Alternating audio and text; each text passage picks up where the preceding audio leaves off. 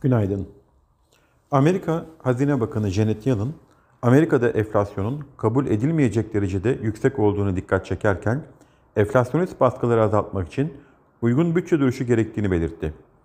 Hindistan'da 8 yılın en yüksek enflasyonunun görülmesinin ardından Hindistan Merkez Bankası politika faizini 50 bas puan artışla %4.90 seviyesine çıkardı.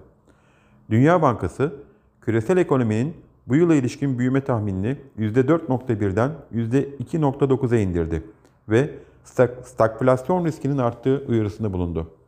Banka, Türkiye ekonomisinin bu yıla ilişkin büyüme tahminini ise %2'den %2.3'e çıkardı. Dışişleri Bakanımız Sayın Mevlüt Çavuşoğlu ile Lavrov bugün Ukrayna'daki durumu görüşecek. Bugün ayrıca Euro bölgesinde büyüme verisi açıklanacak. Borsa İstanbul'da alıcılı bir başlangıç öngörüyoruz. İyi günler, bereketli kazançlar.